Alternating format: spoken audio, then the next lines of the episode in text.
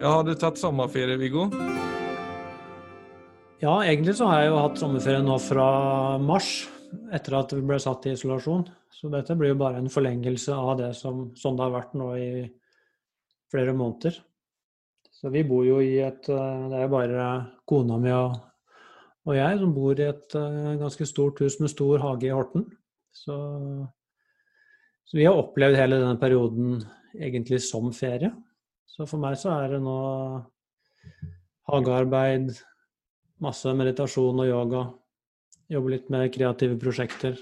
Og det kommer jeg til å gjøre gjennom hele sommeren. Så får vi se om det er mulig å holde kurs i Italia i september. Så i beste fall så får jeg en Indian summer i, på den italienske rivieraen. Men ellers så er det Horten nå. Juli og august. Ja, Det låter deilig, det. Ja, nydelig. Vi har kommet til Ja, ikke så langt ifra deg, egentlig. Vi er på Veiland, i Gittes families hytte, altså min kjæreste. Som er utenfor Tønsberg, en liten øy der. Du har jo også vært der denne gangen, du? Ja, det er jo et sommerparadis. Det er jo helt uten eh, biltrafikk og støy og alt som er forstyrrende. Ja, det er, det er liksom veldig Altså Bare det å komme hit, här, for det er såpass nära fastlandet, men så er det på en måte bare rett inn i noe helt annet. Mye av det der at det er bilfritt, tror jeg. Så det er liksom, Du ligger veldig nære på fastlandet, men det er enda en opplevelse av at du ja, Nesten sånn trer inn i en sånn naturlig tilstedeværelse. Og så er det jo veldig idyllisk her òg. Men egentlig, altså jeg var jo første gang jeg var her, det var egentlig alt annet enn idyllisk, faktisk. Du, Okay. Ja. Du, alltså altså jag, när jag träffade Gitte för, eh, i starten av vårt förhåll så första gången vi skulle åka hit, det var väl några månader in i förhållet cirka. Och du känner ju mig, du vet ju att jag jag är ju lite av den ängsliga sorten. Eller jag har ju, ja, det är i alla fall någonting som har varit, som präglat mitt liv, det där med att liksom bli litt sånn oppslukt i visse saker som ofte har en sånn, sånn spår i frykt. Og eh, når vi kom hit første gangen, så Det er en liten ferje man tar over hit. Så ser man jo fra ferjen at det er superfint og verkar være et helt fantastisk sted. Men så kommer vi, kommer vi av ferjen, og så er det en liten grusvei, og rundt den svingen så ser du på en måte en stor eng. Og på toppen av den engen så er det et, eh, et, eh, gult, eh, veldig fint eldre hus, men som ändå ser litt sånn, de ser litt sånn nedslitt ut. Da. Mm. Og det første jeg hørte noen si fra at vi landet på øen, eller det første Gitte sa, det var Der hengde seg Jens Bjørneboe. Og det var Nå ler jeg bare fordi at jeg vet hvordan det vil treffe sinnet ditt. Ja, for en Rett som meg så var det liksom alt annet enn den idyllen jeg hadde ventet. Så jeg ble sånn, det var som å falle, det var som å falle fritt, altså ned i en sånn sort avgrunn. Og det, det første jeg tenkte var egentlig var sånn Å, herre jævlar, dette er et sted der folk henger seg.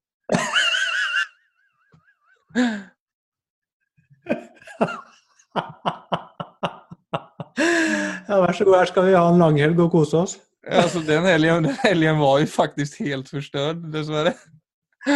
Och hon hade ingen aning om att det var liksom till de graderna på den tiden. Idag har det liksom stabiliserat sig lite men, men där var jag liksom, det skulle väldigt lite till för att jag icke skulle bli uppslukt i speciellt den typen av ting. För det var liksom största frykten var på en måte att må så dåligt att man inte orkade att leva. Alltså det var, det var liksom det värsta tänkbara i min lilla frykthjärna. Då. Ja, ja, jeg skjønner veldig godt. Er, og da er jo ikke akkurat et sånt uh, sted helt uten støy og trafikk og ingen distraksjoner. Det er jo ikke det som er Det er ikke det som er drømmen da. Nei, og spesielt ikke med den innledningen. Altså, det hadde kanskje kunnet være det men, med en litt annen start, men nå ble jo det, ble det som det ble. Så det var jo som ja, Det huset ble jo nesten magnetisk under den helgen. Altså, jeg, jeg gikk nesten sånn omveier for å ikke komme nære det. Ja, klart det. Det blir jo sånn når frykten setter inn. Så, men det var den helgen og sen etter det så har, det ju, så har, ju det, så har ju systemet klarat av å ta inn andre inntrykk enn bare det. Ja. Så i dag har jeg, er det ju ett ställe som er et av mine absoluta fristed, vil jeg vel si. Ja, det skjønner jeg. Jeg har jo vært her som, som sagt. Så det er, eh, det er veldig interessant å komme inn eh, For det er så kroppslig. Altså, du kommer på et sted hvor ikke det er den type bakgrunnsstøy som egentlig alltid er der. Så, og det er først da hjernen registrerer at jøss, her er det stille. Ja. Akkurat som man faller en eller to etasjer dypere ned i seg selv med en gang. Det er, eh, det er jo en, en luksus som er i ferd med å bli nesten umulig å, å komme i kontakt med, faktisk.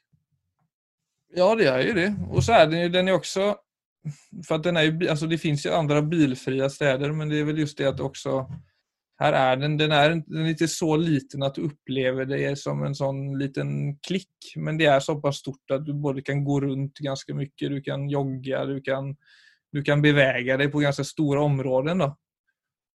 Og det i kombination med at det er bilfritt, så får du en helt speciell upplevelse. opplevelse. Mm. Men tilbake til den eh, situasjonen der som jeg hadde med, med mitt møte med Veiland, som jo var liksom det jeg forsøkte også vise til, var liksom den tendensen til å Altså hvor omfattende det kan være når sinnet bestemmer seg for å feste seg ved noe, i stedet for å bare gi slipp på det. Mm. Og det tror jeg er noe som jeg personlig Altså sen den dagen jeg opplevde veldig voldsomme følelser, den første dagen det liksom ble sånn veldig tydelig for meg at shit, man kan, man kan få skikkelig vonde følelser. Mm. Så tror jeg det kom en veldig sånn sterk frykt til meg, og som også hadde og har hatt en tendens til å hele tiden henge seg opp ved egentlig alle mulige sånne abstrakte altså kan være egentlig hva som helst, men bare den liksom mm. får feste i noe. Precis som om det også er en sånn form for at jeg forsøker kontrollere liksom følelsene for å liksom ikke ikke behøve møte dem, så blir det at de fester seg i alt mulig rart, egentlig. Ja.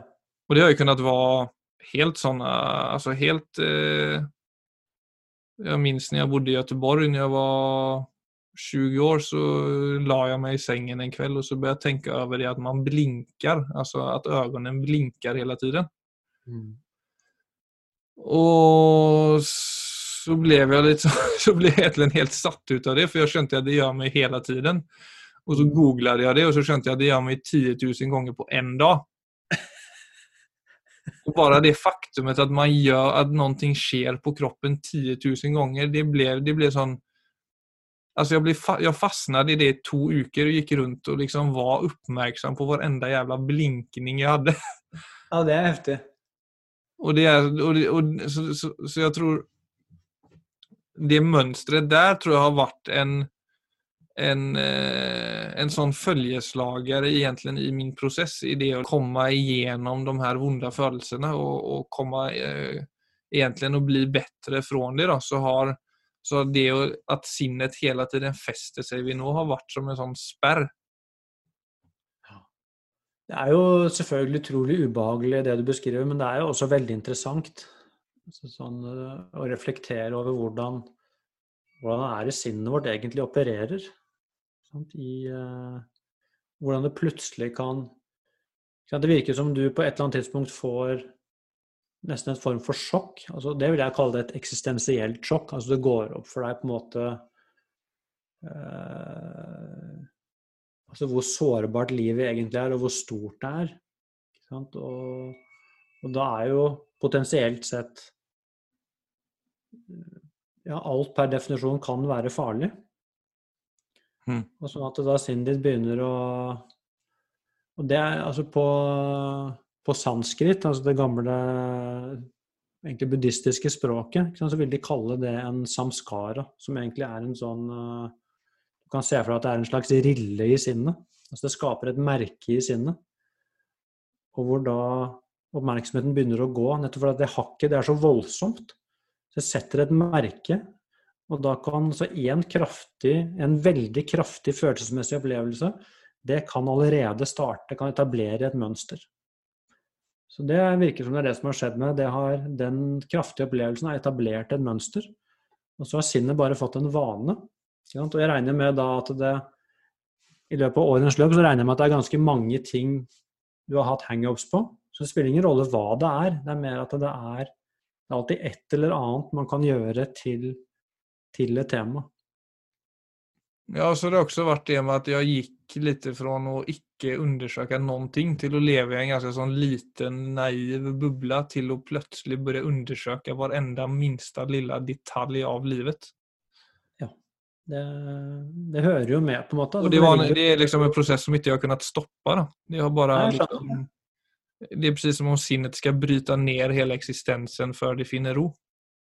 Ja, det blir logikken. ikke sant? Det er fryktens logikk. Så når den først har Når den krana har åpna seg, så er jo det Altså Egentlig så vil jeg si at uh, altså seksualitet og angst er jo de to altså dominerende kreftene egentlig i uh, i hvert fall den delen av menneskelivet som, uh, som er styrt av biologien vår. Da. Det er to enorme krefter i sinnet. Altså som og som vi også er nødt til å håndtere for å kunne gå, å kunne gå videre. Så, så, det er så, og det interessante altså fra et indre perspektiv, Philip, altså fra, jeg vil si, si fra et mindfulness-perspektiv, så er jo den type kriser egentlig sett på som sånne erkjennelsesmuligheter. Og mm. egentlig som en Selv om det er vanskelig og ubehagelig og helt jævlig, så er det allikevel sett på som egentlig som en gave. For at nett fordi kreftene er så sterke, så er det nødt til å føre til eh, indre utvikling. Det er ikke behagelig, men det er nødt til å føre til utvikling. For du begynner å stille spørsmål ved selve eksistensen. Og det er, så, det er så sterk driv i de følelsene som ligger under, så du, du har ikke noe valg. Du er nødt til å prøve å undersøke, for du må finne ut av dette. For det, da blir jo på liv og død. Det er det de følelsene sier. Dette er på liv og død. Her kan vi ikke bare ligge og slappe av. Dette må vi finne ut av. Mm. ja, for jeg har jo samtidig i den prosessen så er det jo noe som jeg har blitt veldig takknemlig for, og det er jo den Altså av å undersøke så mye med livet, så føler du samtidig at du lander altså Trots at det er turbulent, så føler du at du lander veldig i livet og i deg selv og får en sånn oversikt om hvordan ting faktisk fungerer, og en forståelse for mennesker og en forståelse for liksom hvordan livet fungerer og er oppbygd over lag, da, som jeg ikke alls var i nærheten på å være i kontakt med innan den eh, undersøkningen startet. Da. Nei, det er klart det. For at det inntil man egentlig blir klar over eksistensen, altså blir klar over meg selv på ordentlig og eksistensen, så er jo sinnet veldig fornøyd med, med sånn komfort. Ikke sant? Altså det, det, å, det å ha det behagelig det er mer enn nok. Men når plutselig da det sløret blir revet bort for deg, så, så, er ikke sinnet fornøyd med det lenger, for det ser at dette har jo ikke noe substans. Så Det, og det vil Det kan egentlig ikke det, kan ikke gi seg før det finner noe som, som er virkelig. Altså noe som holder i all slags vær. Noe som har substans. Så du blir drevet da til å søke inntil du finner et hvilested i deg selv som er uh, autentisk. Og det er klart, når man først finner det, så vil jo da vil man jo også vite at oi, dette er på en måte det største man kan finne som menneske. Altså, da, da, kommer takknemligheten. Og da er det jo ingen som vil tenke at det ikke var verdt det. Altså, da er det jo verdt alt strev for å finne noe som er priceless. Men hvis vi bare ser på det å ha det litt vanskelig psykisk, for det har jeg tenkt på iblant at det Iblant tenker jeg på det som en sånn sunn reaksjon på livet, å slite psykisk. Altså at det er at Alltså så som jag har sett att du ibland är i, i, altså, du responderer på samfunnet, for det er ikke allting med samfunnet som nødvendigvis er bra. Så det å gå gjennom en form for liksom psykisk utmaning, og der du på en måte må søke litt, og du må undersøke, og du må komme deg gjennom noen ting for å kanskje just lande der at du får en større forståelse for ting. At det, at det på en måte er ja, så som jeg har kjent på det, da, og også når jeg har snakket med andre, at jeg liksom bare har tenkt shit, det er jo, det er jo bare en sunn reaksjon på, på samfunnet iblant, og noe som gjør at du får kanskje en tydeligere retning i hva som, hva som kan gjøre oss godt i lengden. Ja, jeg vil jo være helt enig i det. Men jeg tror det fordrer jo også det at uh, Altså på en måte det å Altså psykisk ubalanse, egentlig. At det er en uh, Altså noe som i beste fall kanskje egentlig er noe som tving, tvinger fram refleksjon. Men uh, jeg tror noe av problemet også i dag, det er at vi har et Egentlig vi har et for smalt menneskesyn. Sånn at vi ser Så hvis ikke man blir møtt med at uh, at dette er på en måte, Det er som voksesmerter. Det er egentlig akkurat det samme. Dette er en del av det å være menneske, og nå har du kommet dit, så dette er det viktig nå å Nå må vi gå sammen og reflektere over dette, sånn at det også da blir en indre vekst. Men hvis man ikke blir møtt med det, og at dette egentlig bare er feil, det skulle ikke vært sånn, det er bare vondt, det er meningsløst, og i verste fall også da få ja, f.eks. piller og den type ting som bare som nummer systemet, så kan man komme selvfølgelig veldig onde sirkler hvor ikke det fører til noe utvikling. Hvor man bare kommer i negative spiraler og blir uh, egentlig mer og mer isolert fra samfunnet og ikke får brukt evnene sine og ikke finner ut av seg selv. Så det er klart, det er viktig å si, for det er ikke sånn at psykisk ubalanse liksom er en fantastisk ting nødvendigvis. Det kan jo føre til at folk blir lamma. Men jeg tror hvis vi hadde sett litt dypere inn i mennesket, og alle hadde blitt kollektivt møtt med at ja, det er egentlig bare en sunn reaksjon. For det betyr at du har begynt å sette spørsmålstegn ved eh, egentlig alt det du har arvet. For vi arver jo verdier, vi arver perspektiver, vi arver tanker om hvem vi er. Vi arver tanker om hva verden er, vi arver tanker om hva mening er. Så det å bli vippet av pinnen vil jo kunne være der endelig. Nå kan jeg begynne å utforske selv. Og det å få hjelp til denne utforskningen, så tror jeg det at den type ting du snakker om, ville egentlig er av det gode. Fordi det fører til utvikling. Men altså hele spørsmålet er jo da hvordan blir det brukt? Hvordan blir det forstått? Hva kommer ut av det? Det er et stort tema. Ja, og så snakker jeg ikke heller om det å liksom bli mishandlet eller bli seksuelt utnyttet og lide psykisk av den saken. Det er viktig å poengtere. Ja, ja, nei da, vi snakker jo Men altså, det å Altså, det er klart at det kan lede til refleksjon også, men det er ekstreme fall som man ikke ønsker noen skal gå igjennom. Men eh, det jeg i første hand eh, forsøker snakke om, er just det med at som vi også har vært inne på mye, at samfunnet iblant er en oppskrift for å bli deprimert eller angstfull. Så er det på en måte en sunn reaksjon å kjenne på det. For at det kan gjøre noe med oss og gjøre at vi, at vi faktisk begynner ifrågasette og går i en retning som ikke er destruktiv. Ja, ja, ja i høyeste grad. Altså, vi har jo altså, Det å oppleve meningstap, f.eks. Altså, hva er det egentlig som, hva er det som gjør at at hjertet ditt bare synger av takknemlighet overfor det å være i live. La oss si at, det, at vi tok det som utgangspunkt. Det vil jo jeg si er egentlig utgangspunktet for den menneskelige eksistensen. Hvis, uh, hvis sinnet ditt er åpent, så vil du kjenne dyp takknemlighet og indre glede over kun å eksistere. Så det å legge mening på, en måte på altså alle sånne ytre ting altså Hvis det plutselig kollapser, så vil jeg tenke at yes, her er det muligheter. Mm. Her er det muligheter for å slippe tak i alle disse rollene, alle disse maskene, alle de tingene jeg tror jeg må oppnå for å få ha verdi. Og kunne begynne å gå dypere. Og se at hva er det som gir meg verdi bare i kraft av å være.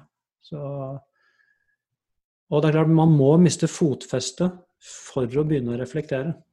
Så på den måten så vil jeg si at det har av absolutt høyeste verdi.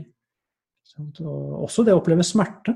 Så hvis du tenker på det, så er det, det er en helt opplagt del av å eksistere. Så bare perspektivet at f.eks. at smerte er feil, det er et, veldig, det er et lite gunstig perspektiv. Du snur rundt på det. Livet er fullt av alle mulige erfaringer. Hva om vi har det mindsettet at alt dette kan brukes? Alt kan brukes til økt forståelse. Alt det gode alt det smertefulle. Alt kan brukes like fullt til, eh, til indre vekst. Så Det blir en helt annen måte å være i verden på, som selvfølgelig også vil gjøre deg mye mer motstandsdyktig. Mm. Hvor det er, jeg vil si på et eller annet, det blir uunngåelig at ikke du finner dine egne indre krefter. Og det å kunne ta 100% ansvar for sitt eget liv, som jo er en vidunderlig ting. Det å kjenne, kunne si til selv jeg tar 100% ansvar for min eksistens. Uansett hva jeg har opplevd, uansett hvilke gener jeg fikk, uansett hvilke foreldre jeg fikk, uansett hva jeg har opplevd, jeg tar ansvaret for meg. Det er en, eh, en enorm glede, faktisk.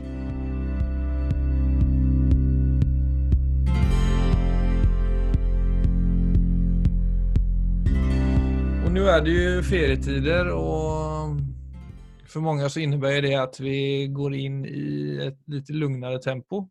Men eh, det betyder inte alltid, alltså har man, en, har man ett aktivt liv eh, till vanlig så är det inte alltid att ron sätter sig med det första. Även om man kanske önskar det.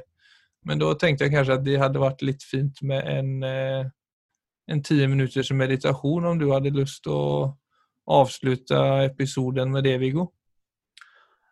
Ja, det er klart det. Det gjør jeg veldig gjerne. Så, så, de som har lyst til å bli med på det, de kan enten bare legge seg ned, eller uh, bare finne en stol hvor du kan sitte så behagelig som mulig.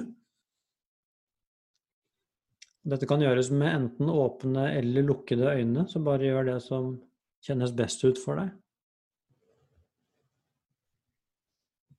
Og så om det er mulig å la oppmerksomheten komme inn i hele kroppen.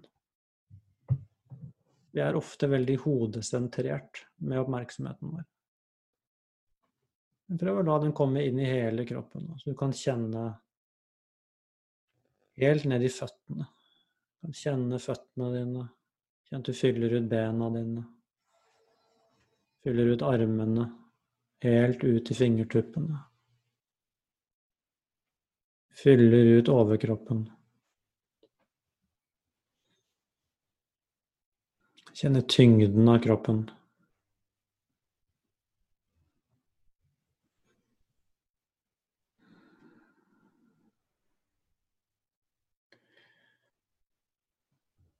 Og når vi kommer inn i kroppen, så er det også lettere å slippe taket. Ja, du kan slippe kroppen ned. Slippe skuldrene helt ned.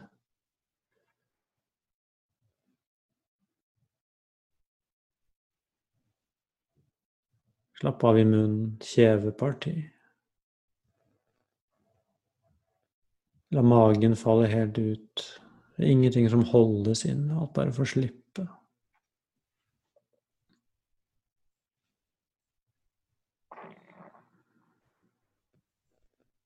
Og så kan du vende oppmerksomheten mot din egen pust. Bare la kroppen puste naturlig. Det er ingenting spesielt du skal gjøre, ingenting du skal få til. Bare bli klar over pusten din. Og kjenn hva som skjer i kroppen når du puster inn. Kjenne hvordan lufta fyller kroppen. Samme når du puster ut. Bare kjenn i kroppen. Og du merker det når du slipper luften ut igjen.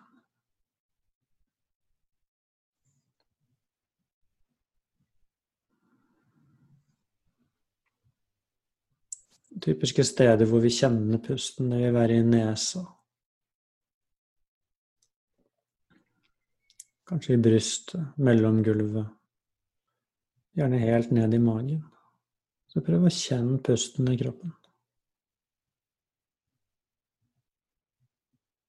Og prøv å gi pusten din fulle oppmerksomhet. Det spiller ingen rolle om det er masse tanker som dukker opp også. Bare la tankene komme og gå. Akkurat som de var skyer på himmelen som bare driver forbi. Du skal ikke få til å slutte å tenke. Du skal ikke få til at hodet roer seg ned. Det er mye enklere enn som så. Bare la tankene komme og gå.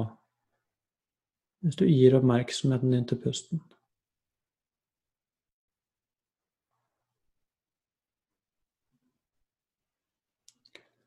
Og hvis du innimellom blir tatt av noen tanker, plutselig blir du med tankene. Men så fort du blir klar over nå sitter jeg og tenker på noe. Bare vend veldig forsiktig tilbake til pusten. Så det er helt enkle. Kjenne pusten i kroppen.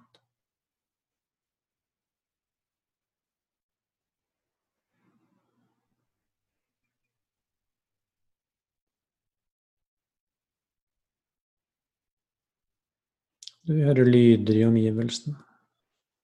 Det er så helt greit. Kanskje sinnet ditt innimellom oppsøker noen av lydene, begynner å beskrive dem. Det er helt i orden.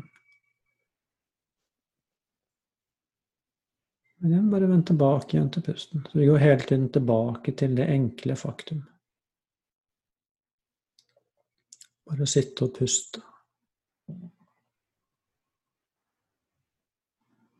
Hvis du kjenner litt uro i kroppen, så er også det helt i orden. Bare la det få lov til å være litt uro i kroppen. Så er det mulig å si ja, men det er helt greit, nå er jeg litt urolig. Tilbake til pusten. Det er tanker om det og det, helt i orden. Tilbake til pusten. Hvis du kjenner at du blir veldig rolig eller tung i kroppen, så er det også helt fint. Bare legg merke til det som faktisk skjer. Og bare la det få lov til å være sånn. Og gå tilbake til pusten.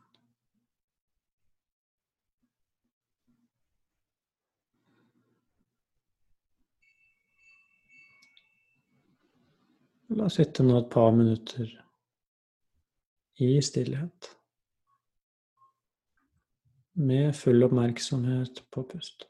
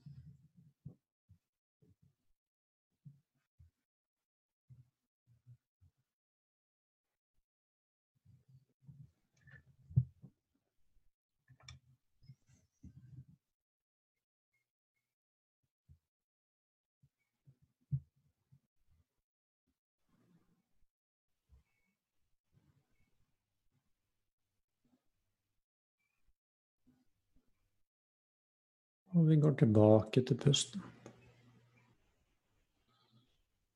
La kroppen puste naturlig. Kjenn pusten i kroppen.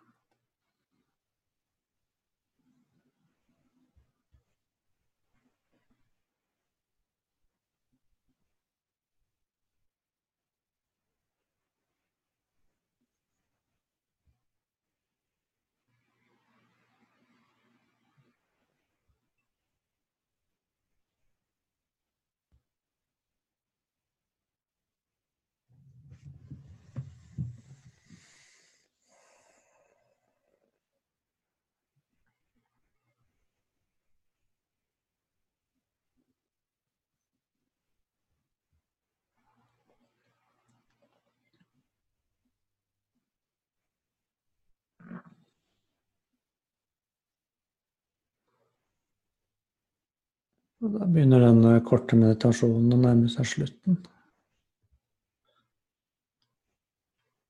Så la oppmerksomheten komme inn i kroppen igjen. Bare kjenn hele kroppen din innenfra. Du beveger litt på fingre og tær. Åpne øynene hvis du har hatt de lukket. Strekke ut litt.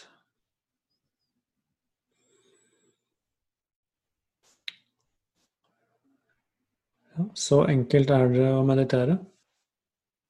Og hvis du kjente nå at du syntes det var veldig behagelig og falt veldig til ro, så er det en ganske vanlig reaksjon.